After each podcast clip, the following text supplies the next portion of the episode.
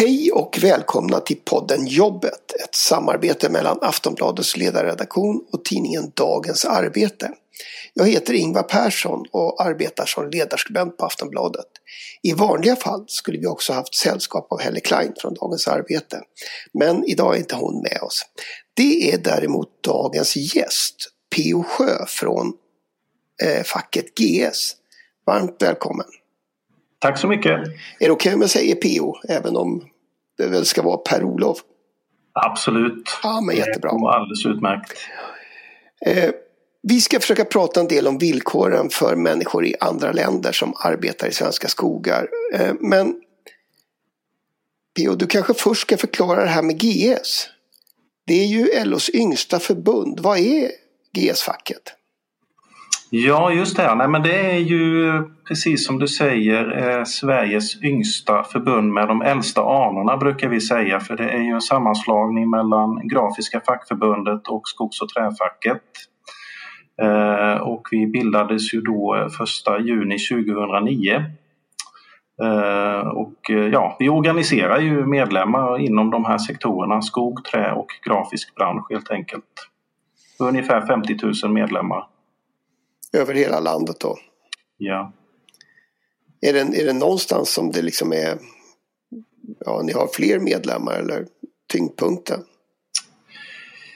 Tyngdpunkten är nog faktiskt i Småland eh, i det här eh, klustret av träindustrier och husfabriker som finns där. Eh, där har vi nog högst densitet men i och med att vi har skogen också så har vi ju, vi är ju väldigt utspridda, finns i alla landets kommuner och eh, ett utpräglat glesbygdsförbund får man nog ändå säga. Även om den grafiska sektorn kanske är lite mer eh, eh, stadsrelaterad om man säger så, så är vi ett utpräglat glesbygdsförbund med med eh, medlemmar på ganska små företag också faktiskt. Så att eh, det är ju en, eh, en problematik att hantera. Mm. Det är ju skogen vi skulle prata om och de som arbetar där. Jag växte ju själv upp i ett skogsarbetarsamhälle. Och på 1970-talet så innebar det ju att väldigt många av de som bodde där var anställda direkt utav Domänverket som huggare eller maskinförare. Och någon, någon var för all del entreprenör och körde timmerbil men annars var det i stort sett eh, så det hängde ihop och några jobbade väl på kraftverken som ju också tillhörde bolaget eh, förstås. Eh, hur ser det ut idag? Ja, det är ju ganska radikalt annorlunda än den eh, upplevelsen som många av oss hade när vi växte upp. Eh, idag är ju skogsbruket väldigt fragmentiserat skulle jag vilja säga. Det är ju Eh, eh, en bransch som bedrivs med entreprenörer, eh, oftast väldigt små entreprenörer som tar upp eh, beställningar från de stora bolagen på uppdrag, både avverkning, röjning och plantering. Och det är en utveckling som har pågått nu sedan någon gång på 70-talet när man, när man började mer och mer gå, gå över från att ha egna huggarlag till att då lägga ut uppdragen på entreprenad istället. Så att det har varit en, en, en kraftfull förändring skulle jag vilja säga från, från den tiden som vi kanske då, som du relaterar till här. Och, och det betyder också en del nya utmaningar. Förra våren när pandemin slog till så var ju bland annat LRF väldigt oroliga för att inte få fram personal till planteringen framför allt. Eh, och man vill helst till och med ha någon slags statlig ersättning för att, att få ihop det där. Hur stor del av skogsvården, alltså plantering och röjning och, och den typen av arbete görs i vanliga fall av utländska eller arbetare från andra länder? Ja, nej, men det är ju en, en väldigt stor eh, majoritet av den typen av jobb som görs av eh, utländsk arbetskraft. Jag såg någon siffra på över 90 procent. Eh, så att det, det är en kraftfull majoritet av den typen av arbeten som utförs av utländsk arbetskraft. Har det varit så länge? Alltså jag skulle vilja säga att det här, det här tog nog fart någonstans runt stormen Gudrun i början på 2000-talet för att då då insåg ju eh, skogsbolagen att man kommer inte kunna klara det här uppröjningsarbetet eh, med inhemsk arbetskraft. Och då byggdes det också upp de här kedjorna där man etablerade kontakter med, med äh, agenter utomlands som kunde också Eh, rekrytera personal som skulle komma till, till, till de svenska skogarna och efter det skulle jag vilja säga så så har vi sett det här fenomenet i, i allt större utsträckning. Eh, och idag är det ju etablerat eh, på ett sätt som vi från fackligt håll då tycker är lite, lite synd. Eh, I en tid där vi har en väldigt hög arbetslöshet i det här landet så, så tycker ju vi att, att eh, det borde kunna gå att tillgodose det här behovet med inhemsk arbetskraft som sagt om vi, om vi tänker tillbaka till, till 70-talet igen då eh, så arbetade jag med skogsplantering på somrarna. Eh, inte så många veckor för det, var ju, det, är ju, det blir ju torrt rätt snabbt när, när skolorna väl har slutat. Men då jobbade jag ju ihop med, med de här skogshuggarna som eh, kunde så att säga ställa in eh, huggandet under, under planteringssäsongen. Något sånt förekommer inte idag. Nej, det gör det. Jag skulle vilja säga i så fall i väldigt, väldigt liten omfattning. Och det här är ju en del av problematiken också för precis som du säger så var ju det här då en naturlig del av ett huggarlag som också var anställt av ett bolag som, som hade att göra alla de här sysslorna i skogen och för många tror jag eh, skogsarbetare så var det ett välkommet avbrott också i i det normala arbetet och sen framåt hösten kunde man kanske gå och röja lite så att man fick lite avlastning i huggandet. Så det, är ju, det där är ju helt borta skulle jag vilja säga utan nu är det ju väldigt täta skott mellan skogsvård och avverkning. Eh, och jag tror det är många som kan relatera också till det du säger, att man har haft de här erfarenheterna som ung, att man har gått i de här planteringsområdena och eh, svettats och eh, slagits med myggor. Eh, och knott. Och knott. det var nästan ännu värre. Men, men bara så vi förstår. Hur ser en typisk entreprenörskedja bakom ett vanligt planteringslag på ett svenskt hygge ut idag, första juni 2021? Ja, alltså i toppen av den här värdekedjan så finns det ju en beställare och det är ju oftast, eh, vi har ju väldigt mycket privata och små skogsägare också, men den, den största delen av det här planteringsarbetet utförs ju utav eller beställs utav de här stora bolagen som vi har i Sverige. Det är ju fem, sex stycken som är helt dominerande. Eh, och de lägger då ut de här uppdragen på entreprenörer som är villiga att ta på sig det här. Eh, eh, och de rör ju sig också över ganska stora ytor de här entreprenörerna så att de är inte stationerade liksom vid ett geografiskt område utan de, de börjar i, på våren lite längre söderut och så rör man sig norrut allt eftersom klimatet och, och, och vädret tillåter det. Så att det är ungefär så det ser ut. Det är väldigt många entreprenörer eh, och eh, det vi liksom vill trycka på också är att det är ju en oerhörd prispress på entreprenörerna. Eh, och det är också en del av problematiken när, vi pratar om villkor och löner och så vidare också. Att det är riktigt tufft för de här entreprenörerna att få det att gå runt. Förekommer det också att, att själva aktörerna då eh, är dessutom är anställda i bolag utomlands?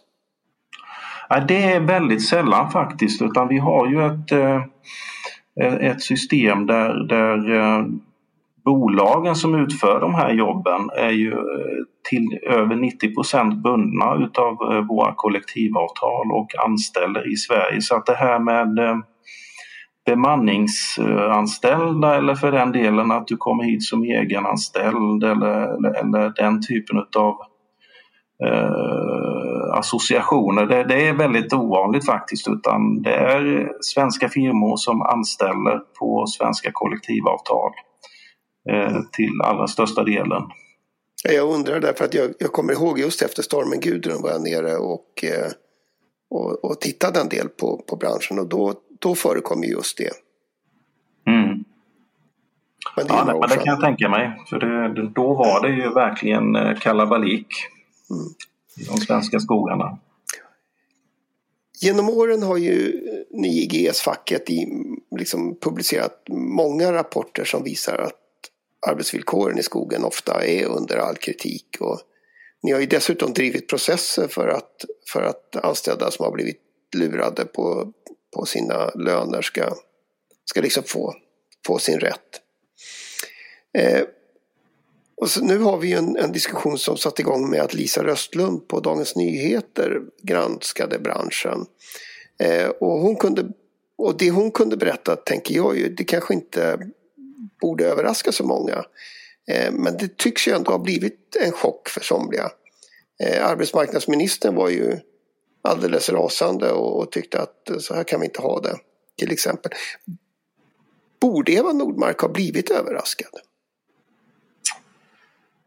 Ja, alltså med tanke på eh, hur det har sett ut de senaste åren och eh, de här, det är ju liksom fall som uppdagas varje år där folk råkar illa ut så att eh, överraskad tror jag väl inte att hon skulle ha blivit egentligen. Däremot förbannad, det har jag större förståelse för. Men borde hon inte vara förbannad hela tiden i så fall? Jo, absolut. Det är, det, är ju, det är ju det vi försöker peka på lite grann. Det är ju just den här kombinationen av en oerhört liberal lagstiftning när det gäller arbetskraftsinvandring där du i princip är helt beroende av att ha kvar din anställning för ditt eh, uppehälle här i landet. Eh, det skapar ju absolut inga incitament för att eh, rapportera några missförhållanden gentemot din arbetsgivare. Och kombinerar man det då med också det faktum att du har den här starka prispressen i skogsbruket där entreprenörerna blir så hårt pressade att de inte ens kan eh, upprätthålla avtalsenliga villkor. Det är klart att det är ju som upplagt för att människor ska råka illa ut. Och det menar jag på, det kan inte vara någon överraskning för, för någon, eh, allra minst för arbetsmarknadsministern. Så jag, jag, tänkte, alltså det Dagens Nyheter berättade, det handlade ju om människor som har lurade, blivit lurade på sin lön, som har tvingats bo under ovärdiga förhållanden och som har eh, arbetar alldeles orimligt liksom, långa dagar för att, för att eh, överhuvudtaget komma i närheten av de ackorden man, man ska köra ihop. Eh, och allt det här händer ju i, i företag som till stor del faktiskt har kollektivavtal med er. Hur är det möjligt? Ja, nej men det är klart att det, det, det är ju när man, när man tecknar ett kollektivavtal så förutsätts ju det på något sätt att båda parter ska eh, helga kollektivavtalet och värna de eh, regler som finns i det. Eh, och i normala fall för oss som ett fackförbund så är det så att om det är någonting som uppstår på en arbetsplats där äh, avtalet inte följs, då får, får vi ju kännedom om det. Eh, och vi kan agera på det. Eh, och det är bara att konstatera att i skogsvården så har vi ju inte den täckningen fackligt som vi skulle behöva ha. Eh, det är ju, dels är det väldigt svårt att organisera den här arbetskraften som kommer hit Eh, jobba här i kort eh, säsong eh, under året. Dels är det en språklig barriär och de som kommer hit känner inte till den svenska arbetsmarknadsmodellen, har väldigt svag kännedom om den. Och oftast är det väl så att arbetsgivarna inte heller informerar dem om liksom hur det funkar här. Och dessutom ska vi då lägga till det faktum att det här är rörliga arbetsplatser som finns ute i våra svenska skogar. Så att det är ju ett tufft fackligt ackord vi har att eh, göra när det gäller organiseringen av de här arbetarna. Och vi har ju försökt med metoder genom åren här och nu har vi liksom också infört ett särskilt säsongsmedlemskap som ska underlätta för eh, de här personerna att också bli medlemmar i facket. Så att det är ett litet avskalat medlemskap där rättshjälpen och förhandlingshjälpen står i centrum det, det, är första gången vi kör det här nu så vi får väl utvärdera det. Men det är ju liksom grunden här för att vi ska kunna komma till rätta med det här fackligt, det är ju organisering. Men det tar ju liksom inte bort, tycker jag, ansvaret för, för de, den andra parten i ett kollektivavtal. Eh, det är ju inte vi som eh, låter folk jobba 12 timmar om dagen eh, utan övertid. Det, är ju faktiskt den andra sidan så att jag, jag tar inte på mig hela ansvaret för det här, det gör jag inte. Jag tänkte jag ska fråga mer om det här med säsongsmedlemskapet men, men alltså det du är inne på nu, alltså ansvaret från arbetsgivarsidan. Det är ju som sagt ofta de stora skogsbolagen som är beställare utav de här tjänsterna. Är det möjligt att de inte vet när, när de får priser som, som liksom omöjliggör att man håller sig till kollektivavtalet? Ja, det är ju en väldigt bra fråga. Vi, eh, alltså när man lyssnar på bolagen så säger de ju att de har full kontroll på det här och eh, att det är eh, deras eh, e-, egna interna kontroller visar inte på att det pågår något, något konstigt i, inom skogsvården. Och lik förbaskat är det ju så att varje år så dyker det upp någon typ av eh, situation där vi kan konstatera att eh, det här har inte gått rätt till. Eh, och det är, det är ju liksom eh, jag, jag, tror att hela det här systemet som man har eh, liksom leder ändå till att pressen blir så stark att Eh, och det vittnar ju många entreprenörer om också så det är ingenting som vi sitter och hittar på här på den fackliga sidan. Det är ju många entreprenörer som, eh, som vittnar om att det är väldigt tuffa villkor. Ja, och som väl säger rakt ut att, att det går inte att konkurrera om man, om man håller sig till, eller man, mm. man får inte jobben. Nej, det är ju en stenhård priskonkurrens på de här uppdragen så att eh, Nej, det, det är riktigt tufft. Mm. Hur, hur ska det här, eh, tillbaka till det här med säsongsmedlemskapet då. Du säger att det innehåller rättshjälp och, och förhandlingshjälp och en begränsad avgift då kan jag tänka mig, eller? Mm. Ja, det är det. Du betalar en engångsavgift bara eh, när du kommer hit. Så gäller det under hela säsongen. Ja. Eh, och hur, hur liksom marknadsför ni det? Eller hur ja, kan ni marknadsföra det? Ja, det är ju det vi måste utvärdera här nu. Det är ju liksom, vi har ju inte kört det här förut nu. Så att, men det gäller ju att få träff på dem som, som kommer hit och det är ju ett tufft uh, jobb för vår lokala organisation. Uh, men det är ju också en diskussion vi nu sitter med med arbetsgivarna här om vi på något sätt gemensamt kan uh, hitta metoder för att öka träffbilden om man säger så och försöka få eh, att vi, vi kommer i kontakt med dem på ett enklare sätt. För det här måste väl vara en utmaning ibland, ibland i den, eh, tycker jag, när man liksom diskuterar fackets roll så i offentligheten så glöms det ju bort att det är ju dina medlemmar som, som betalar verksamheten.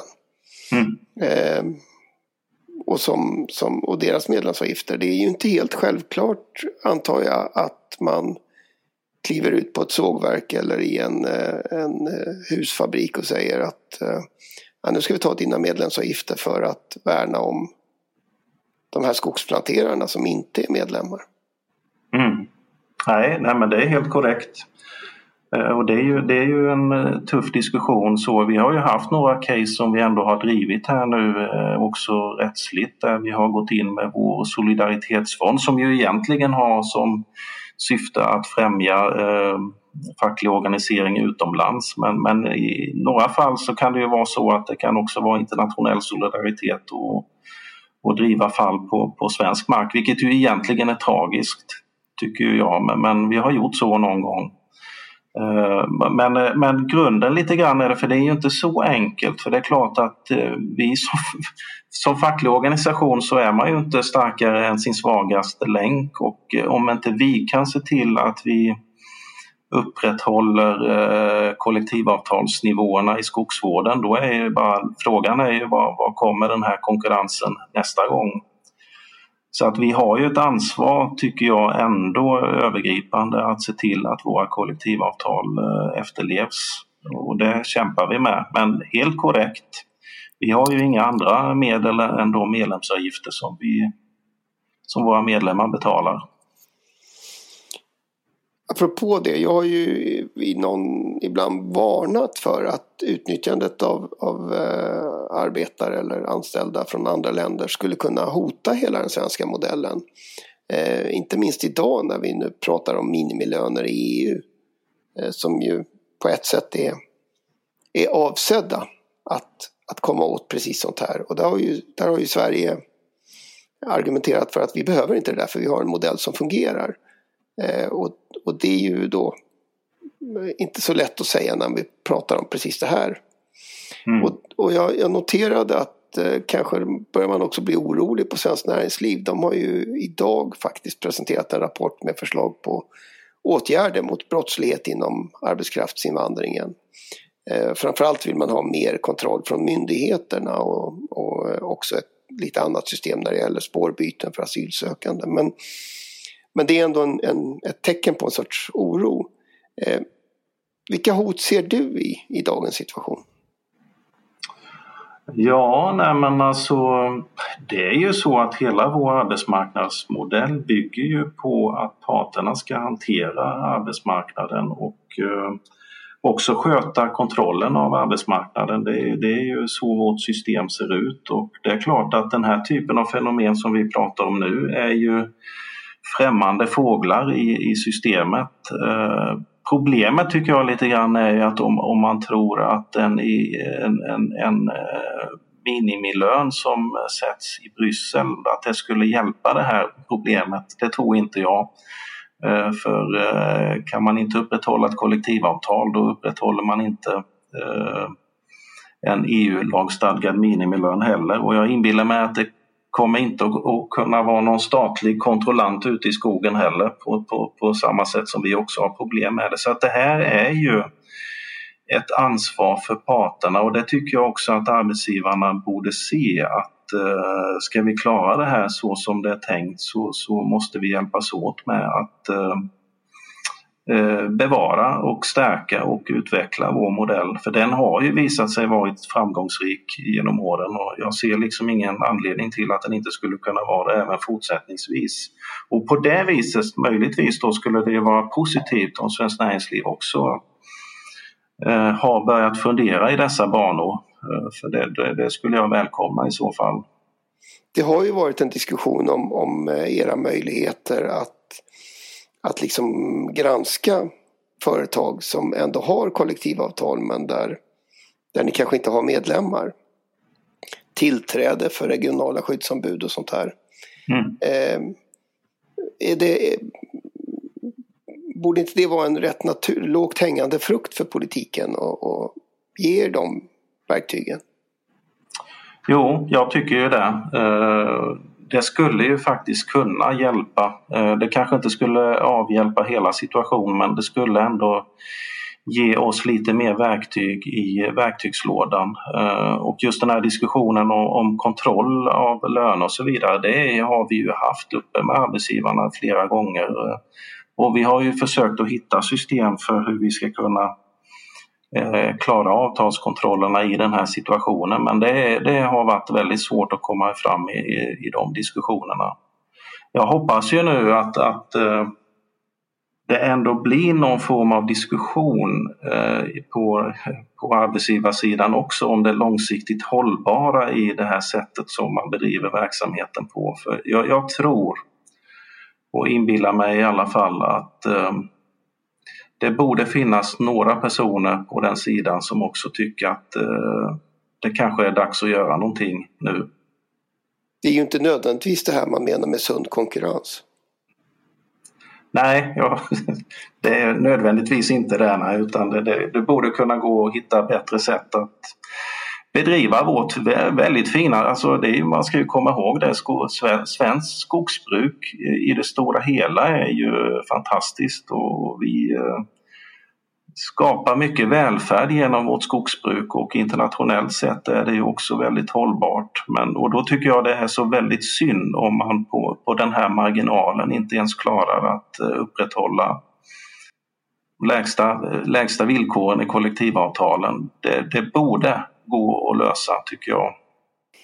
Och det är väl ett jobb som, som då återstår. Som, men som sagt debatten är ju igång och man får väl får väl förutsätta att, att den kommer att fortsätta. Absolut. Jag, jag tänkte faktiskt att vi skulle stanna där eh, just idag i alla fall. Det finns förstås massor av andra ämnen vi eh, skulle ha kunnat och kanske borde ha pratat om. Eh, till exempel de nya förhandlingarna om anställningsskydd och omställningen som LO begärde i förra veckan. Men det får bli en annan gång. Så för nu så vill jag tacka dig P.O. Sjö från GS-facket för att du kunde vara med. Jag vill också tacka dig som lyssnar utan dig skulle det inte bli någon podd. Och som sagt, eh, jobbet kommer tillbaka. Riktigt när törs jag inte svara på, men vi kommer att komma tillbaka. Tack så mycket. Tack. Tack.